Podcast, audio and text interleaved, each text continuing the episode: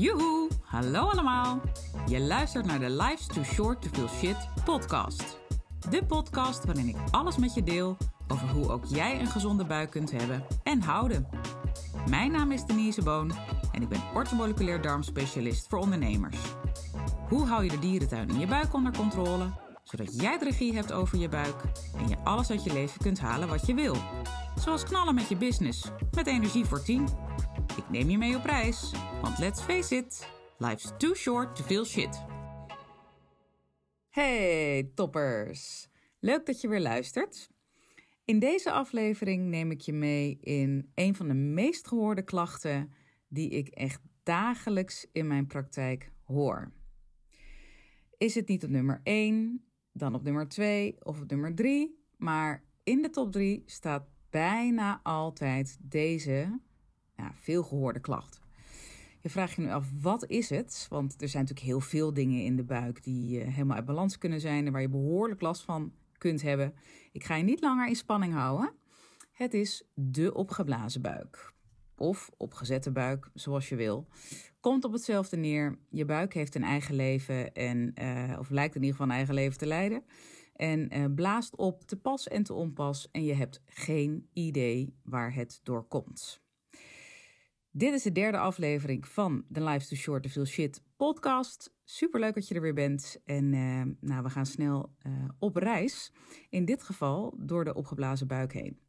En wat ik met je wil doen is um, eigenlijk je meenemen in de meest voorkomende oorzaken van een opgeblazen buik. Want daar krijg ik ongelooflijk veel vragen over. Juist natuurlijk omdat het zo vaak speelt bij mensen. En uh, het kan ook echt je ontzettend in de weg zitten gedurende je werkdag. Hè? Um, niet alleen bij wat je aan hebt, maar ook als je nou net een, um, een, een afspraak hebt met een klant.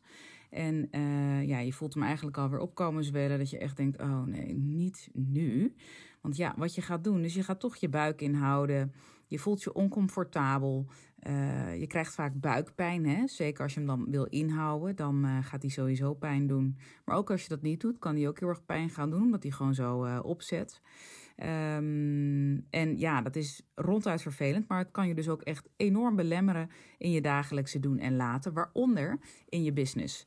En dat is natuurlijk helemaal irritant, want dan heeft je business er vaak ook onder te lijden.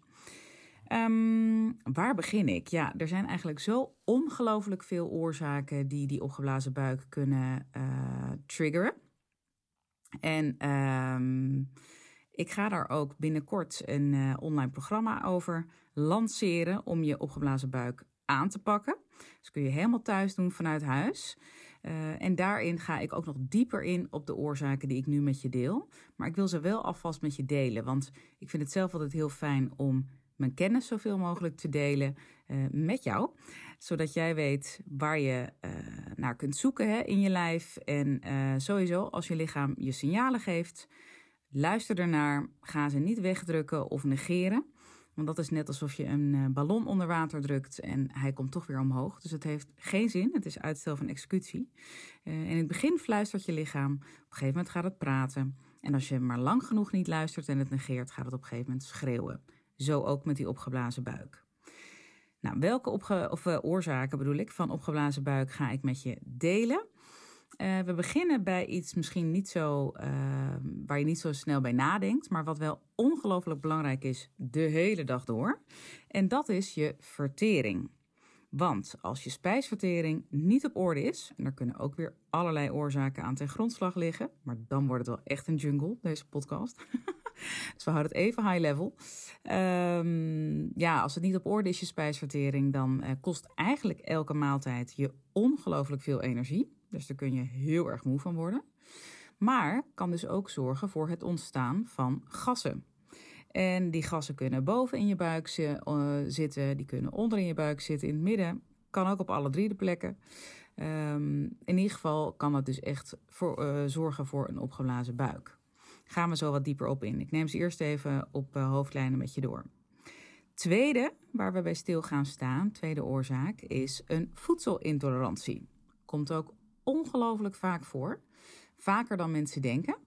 Uh, en ik ga ook een geheim met je delen hoe je dat zo goed mogelijk in de toekomst kunt voorkomen.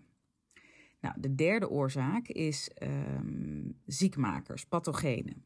Dus als je bij jou de dierentuin is ontploft, zoals ik wel eens gekscherend uh, in mijn post zeg, hè, we dragen allemaal de dierentuin bij ons. Um, ziekmakende bacteriën, ook de goede darmbacteriën, maar ook gisten, schimmels. Hè. Je kan een parasiet bijdragen. Nou ja, voor je het weet heb je een hele dierentuin uh, bij je. Uh, dat is allemaal prima. Alleen als hij ontploft, dus als een van die, uh, die soorten uh, gaat koloniseren en in de meerderheid komen, ja, dan heb je echt wel een uitdaging. Um, en als het een kleine meerderheid is, dan kan je lijf er vaak nog prima mee dealen. Mits je immuniteit op orde is. Um, maar is het echt een flinke belasting, ja, dan kun je daar ongelooflijk veel last van krijgen. Waaronder met een opgeblazen buik. Nou, en de vierde meest voorkomende oorzaak van die opgeblazen buik is een histamine-intolerantie. Nou, laat ik daar nou expert in zijn. Um, en histamine kan zich ophopen op verschillende plekken in het lichaam. Dat kan in de buik zijn, dus lokaal in de darm, maar ook door het hele lichaam heen. Uh, en ik vind het dan ook belangrijk om allebei de histaminewaarde te meten en niet op één marker af te gaan. Want ook al is het vaak aan de hand van wat iemand vertelt, wat hij ervaart aan klachten, zoals bij een opgeblazen buik, zit het heel vaak in de darm. Toch heb ik daar ook al best wel vaak de uitzondering op de regel gezien, omdat ik bij elke klant die in een één op één traject bij mij stapt, uh, werk met laboratoriumonderzoeken. Dus ik heb daarin heel veel um, de regel bevestigd gezien, maar ook heel veel uitzonderingen gezien. Um, dus ja, goed om goed te meten, want meten is weten. Maar die histamine die kan dus ook echt zorgen voor een opgeblazen buik. Los van heel veel andere vervelende klachten. Maar dat geldt ook voor de andere oorzaken want, uh, die ik net noemde. Want die kunnen ook voor heel veel andere vervelende klachten, zoals buikpijn. En uh, nou, ik ga ze niet allemaal opnoemen, want dan ben ik eindeloos bezig. En ik heb nog genoeg podcasts te maken en met je te delen. Dus dat komt, uh, er komt genoeg aan bod de komende tijd. maar voor, voor nu houden we het even op deze vier veel voorkomende oorzaken. Dus nog even heel erg in het kort. Vertering de kracht van je spijsvertering, voedselintolerantie, als je die hebt. Vaak hebben klanten meerdere. Uh, een, uh, de dierentuin die is ontploft. En de vierde, uh, een histamine-intolerantie. We gaan zo ook even één voor één langs. De vertering, hele belangrijke, want we nemen het eigenlijk vaak voor lief. Alles wat we in onze mond stoppen hè, is echt de, ja, de brandstof voor je motor. Ook al gaan toch heel veel mensen niet al te best om met, uh, met hun lijf. En ik ben zelf geen heilig hoor, want ik hou ook echt heel erg van um, Bourgondisch eten en drinken. Echt heerlijk. Um, alleen waar het vroeger een uh, ongezonde basis was met af en toe wat groente, is het nu een gezonde basis met, nou ja, wat ik dan zeg, een ongezonde punt op de i. Dus ik heb het even omgedraaid. Uh, en eet ik eigenlijk bijna bij alle maaltijden wel groente, om maar even groente te noemen. Zet ik heel veel de voedingsmiddelen gezond. Um, maar uh, ja, dat is dus wel echt uh, een, een, hele belangrijke. Wat stop je in je lijf en is dat, hè, wat voor brandstof is dat voor jouw motor? Nogmaals, af en toe iets ongezonds kan prima. Maar ook hoe je eet en hoe je je voelt als je eet zijn hele belangrijke factoren die maken of jij je eten wel goed verteert. Dus hè, dat uh, je lichaam ook alle voedingsstoffen die in het eten zitten kan opnemen. Nou, de meeste voedingsstoffen worden opgenomen in de darm, maar Soms wordt het ook door andere organen gedaan, zoals de maag. Die neemt ook uh, vitamines op, met name de vitamine B12 moet het wel voldoende maagzuur aanmaken. Daarover een andere podcast. Uh, maar goed, ook de maag, nu we het erover hebben, is ook een heel belangrijk orgaan voor de vertering. Juist door dat maagzuur, maar ook door pepsine. Een stof die in de maag wordt aangemaakt, die ook helpt bij het verteren van je eten. En de vertering begint eigenlijk al in je mond. Daarom is het ook zo belangrijk om langer te kauwen. Um, daarna natuurlijk de maag. Dan pas kan het door naar de dunne darm en daarna pas naar de dikke darm. En de dunne darm bestaat ook nog uit drie delen. Ga je de details besparen, maar het is nogal een reis die je eten moet afleggen. En onderweg komt het langs allerlei stations. Hè? We noemden er net al een paar. En bij elk station vindt er wel een deel van de vertering plaats. Dus in de mond vindt al een stuk van de vertering plaats, met name in je speeksel onder invloed van amylase. Dat is het enzym wat koolhydraten afbreekt. Nou, in de maag geeft dat maagzuur, hè, met die pepsine hebben een belangrijke taak daarin op zich. Uh, dan in de dunne darm komen verteringsenzymen vanuit de alvleesklier en de lever bij het eten, om het daar eigenlijk uh, nou ja, misschien wel de grootste taak te doen qua vertering. Um, en uiteindelijk in de dikke darm vindt er ook nog een stuk vertering plaats uh, door de darmbacteriën, de goede darmbacteriën. Dan zeg ik een stuk van de vertering, maar bij de meeste mensen um, wordt eigenlijk nou ja, een groter deel van het eten verteerd in de dikke darm dan zou moeten. En uh, daar zijn die bacteriën niet voor gemaakt. In ieder geval niet voor zo'n grote taak, laat ik het zo zeggen. Um, en heel vaak zijn die goede darmbacteriën ook in de minderheid. Dus die hebben al, weet ik, wat allemaal te doen de hele dag daar uh, in die buik. Onder andere je beschermen tegen een overmaat aan pathogenen, waar we het zo ook over gaan hebben. De ziekmakers, die dierentuin. Uh, maar dan krijgen ze dus ook nog een verteringstaak bij. Nou, hoe kun je dat merken? Uh, winderigheid vooral, hè, maar ook dus gasvorming in die buik. Uh, zeker onderin de, de, de buik, hè, dan is het meer de, de dikke darm waar nou, de problemen ontstaan. Maar eigenlijk ontstaan ze dus al daarboven. En is het een combinatie van factoren. Dus dat is hè, meest voorkomende oorzaak nummer één. Tweede, die voedselintolerantie die ik al even noemde. die kan trouwens in meerdere fases ontstaan. Hè, een fase 1 en een fase 2. De factor tijd is daar het enige verschil. Klachten uiten zich op dezelfde manier en is vaak best ongrijpbaar. Namelijk tussen 0 en ik geloof 72 uur uit mijn hoofd. Nadat je het voedingsmiddel hebt gegeten, kun je er last van krijgen. Ja, weet jij dan nog of het de, de pinda, uh, de tarwe, de, de koemelk, het ei was wat jij een paar dagen geleden hebt gegeten? Nee, dat is vaak niet te pinpointen. En dat maakt het dus ook zo ongrijpbaar. En ook daarbij kan ik je echt aanraden: laat goed onderzoek hier naar doen. Want het is te meten uh, met bloed. Uh, dus ga naar een goede darmtherapeut die je daarmee verder kan helpen. Um, zodat je dat inzicht krijgt of een voedselintolerantie voor jou een rol speelt. Belangrijke voorwaarde voor het ontstaan van een voedselintolerantie is dat je uh, darmen uit balans zijn. Dus hè, eigenlijk is die dierentuin vaak dan al helemaal uh, in ieder geval uh, uit balans. Niet altijd helemaal op hol, maar in ieder geval de goede darmbacteriën zijn in de minderheid. In ieder geval voor wat ze zouden moeten zijn. En um, nou, vaak zijn er ook wel andere processen ontstaan, zoals een ontstekingsreactie in de darm. Denk aan um, een hyperpermeabele darm, wat op internet heel leuk een leaky gut heet vind ik een beetje een um, verkeerd gekozen term. Want het doet meteen denken hè, dat je bijna een geperforeerde darm hebt. Nou, dat is echt iets compleet anders. Don't worry. Maar goed, het is niet al te wenselijk natuurlijk dat je darm extra doorlaatbaar wordt. Uh, zie het als een grove zeef die je dan hebt in plaats van een fijne zeef.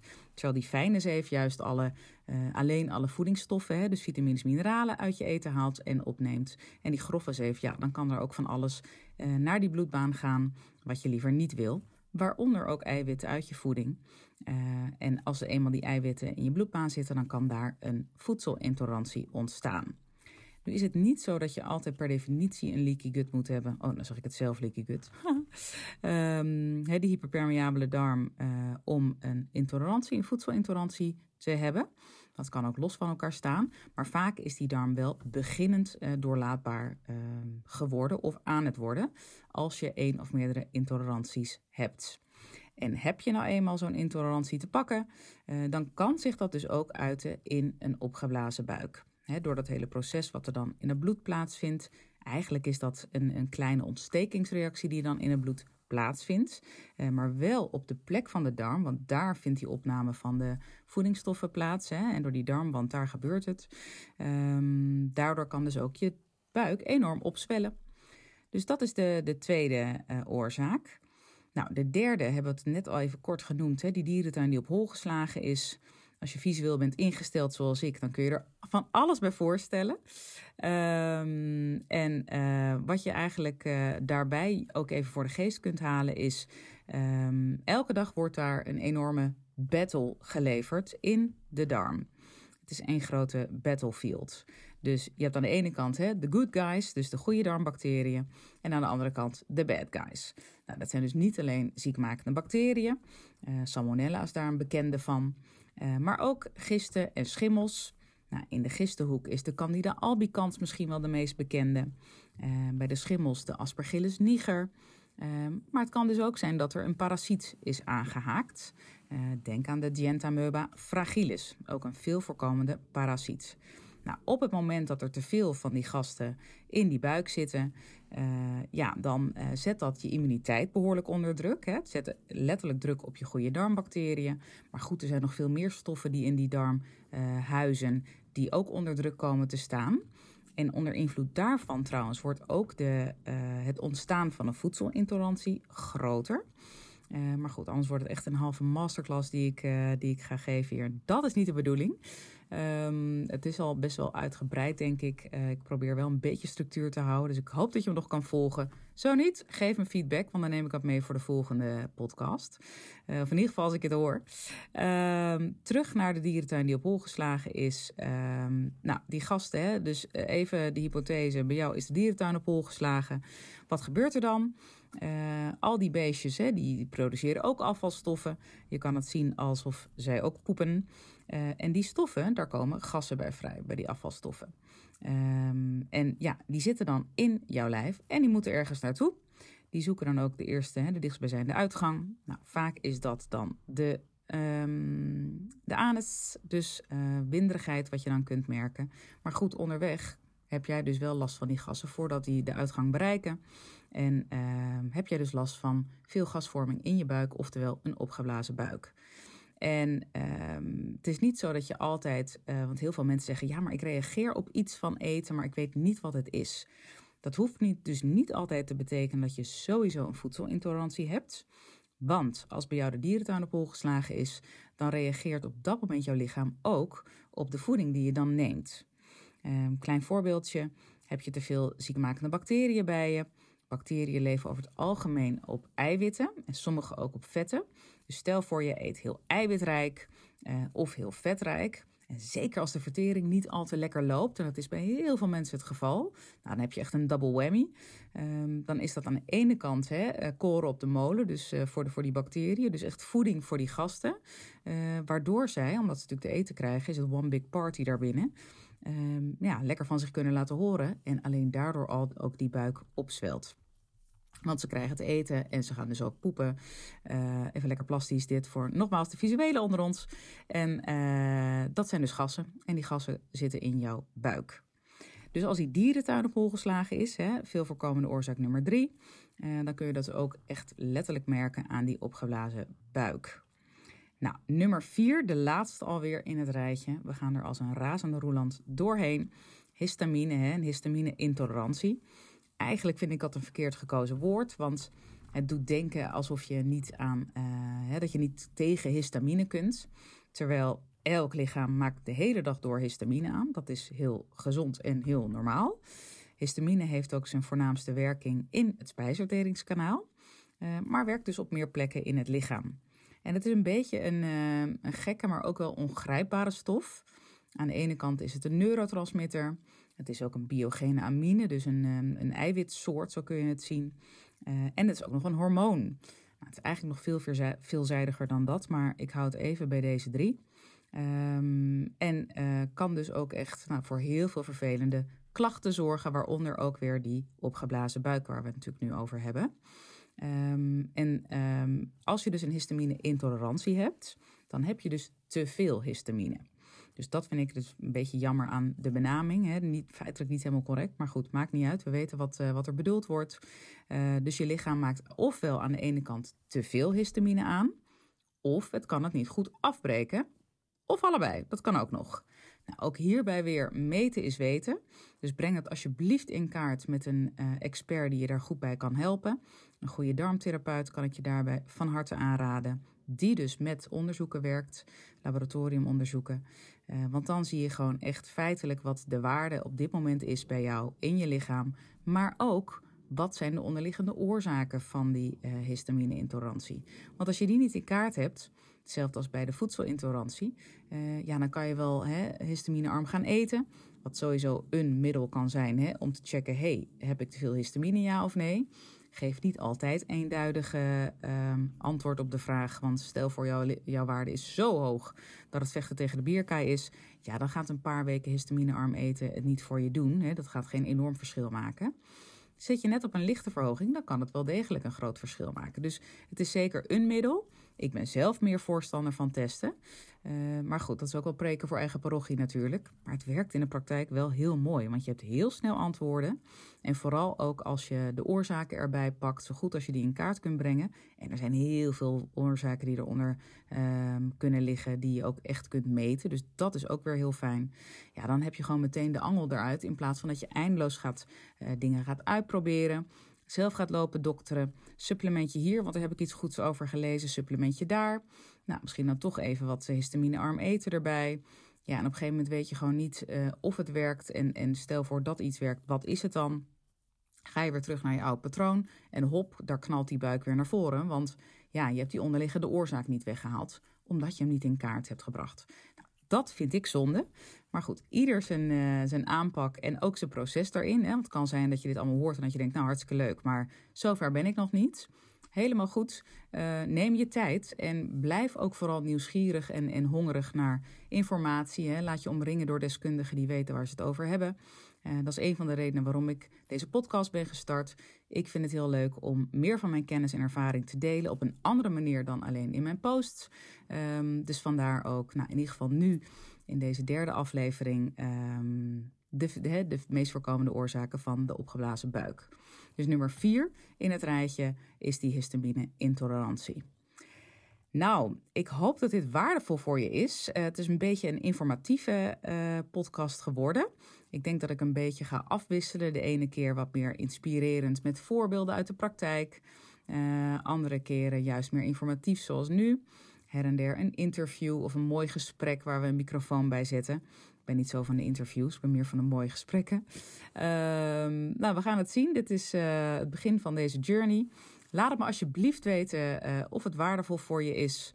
En wil je die opgeblazen buik aanpakken? Ik help je heel graag, maar voel je niet verplicht. Uh, dat kan één op één. En dan gaan we dus met onderzoeken eerst de oorzaken in kaart brengen. Of nee, eerst kijken natuurlijk, hè, wat is er gaande in je lichaam? Want ik kan wel met een hypothese werken, maar die hypothese moeten we wel eerst testen. Dan kijken we natuurlijk ook meteen naar de onderliggende oorzaken. Um, en uit ja, die onderzoeken komt tot nu toe altijd iets. Uh, garantie tot de voordeur, want hè, gezondheid is uh, zo persoonlijk als wat. Geen twee mensen zijn hetzelfde. En, uh, maar goed, tot nu toe komt er echt altijd eigenlijk wel van alles uit wat de klachten veroorzaakt en ook hè, in relatie tot de klachten staat. En dat is voor heel veel mensen al zo ongelooflijk fijn om te zien: oh, ik ben niet gek. Het zit niet tussen mijn oren. Uh, er is echt iets gevonden en er is ook iets aan te doen. Dat is natuurlijk ook heel fijn. Dus dat is een, uh, een manier. Een tweede stap is dan een eventueel behandeltraject. Waarbij ik met um, ja, echt trajecten werk. Dus niet met losse consulten, maar we gaan echt een half jaar lang samen aan de slag. Uh, you have me on speed dial bijna, hè? so to say. Er zit veel support bij in, alles op maat. Um, en ja, ook heel veel consulten. Dus uh, dat is echt, uh, dan doen we dat samen. Je doet het natuurlijk zelf, maar ik help je heel graag. maar je kan ook dus binnenkort met het online programma aan de slag gaan. En dan kun je dit zelf doen vanuit huis. is ook super waardevol, want ik heb al de modules die daarin zitten aan heel veel mensen mondeling verteld en steeds één op één. Nou, dat is natuurlijk helemaal niet zo efficiënt. Uh, maar er zijn al zoveel mensen die alleen al met die tips aan de slag zijn gegaan en heel veel verbetering hebben gemerkt. Dat dat voor mij de aanleiding is geweest van ja, dan is het heel erg uh, zonde eigenlijk als ik mensen de kans ontneem om hier zelf mee aan de slag te gaan. Dus die komt binnenkort, dus dat is een andere optie die ik je heel graag bied. Nou, alvast even een, eh, een doorkijkje naar, uh, naar wat er binnenkort komt. En het 1 op 1 programma dat loopt nu al. Uh, al, al langere tijd, al jaren. Dus, dus dat is sowieso beschikbaar voor je. Um, volg je me nog niet op Instagram? Doe dat dan alsjeblieft. Kan ook op Facebook of LinkedIn. LinkedIn moet je me even uitnodigen. En nou, nogmaals, laat me even weten of het waardevol voor je is. En uh, ook als je een idee hebt voor een leuk onderwerp waarvan jij denkt: hé, hey, daar wil ik meer over weten. Wel graag buikgerelateerd of hè, uh, lijfgerelateerd. Kan dus ook in de, in de hoek van energie, vermoeidheid zijn, hoofdpijn. Het hoeft niet altijd direct de buik te zijn. Dus hou je niet in. Deel het liefst gewoon met me via Insta DM of stuur me een mailtje. Um, office.deniseboom.nl Uh, met onderwerpen die jij interessant vindt en waar jij meer over zou willen weten. Dan gaan wij kijken of het een uh, onderwerp is wat voor heel veel mensen relevant kan zijn. En of het dan ja, handig is voor ons om daar een podcast over op te nemen. En wie weet hoor jij binnenkort jouw onderwerp voorbij komen. Abonneer je ook meteen even op deze podcast, want dan mis je ook geen enkele update meer. Nou, dan heb ik volgens mij nu mijn hele zegje wel uh, gedaan. ik ga afsluiten. Ik uh, ja, wens je een hele lekkere dag of avond, wanneer je dit ook luistert. En ik hoop je heel gauw weer uh, aan de andere kant van de lijn te horen. dag, dag. Toppers! Bedankt voor het luisteren. Leuk dat je er weer was. Smaakt dit naar meer? Abonneer je dan even op mijn podcast. Zo zorg je ervoor dat je volledig up-to-date bent over hoe jij je buik gezond houdt with fun and ease. En als mijn afleveringen waardevol voor je zijn, laat het me dan even weten. Vind ik leuk. Je maakt me het meest blij met een korte review via iTunes of Spotify. En daarmee maak je me niet alleen blij, je helpt er ook nog anderen mee. Want door jouw review is de podcast namelijk beter vindbaar.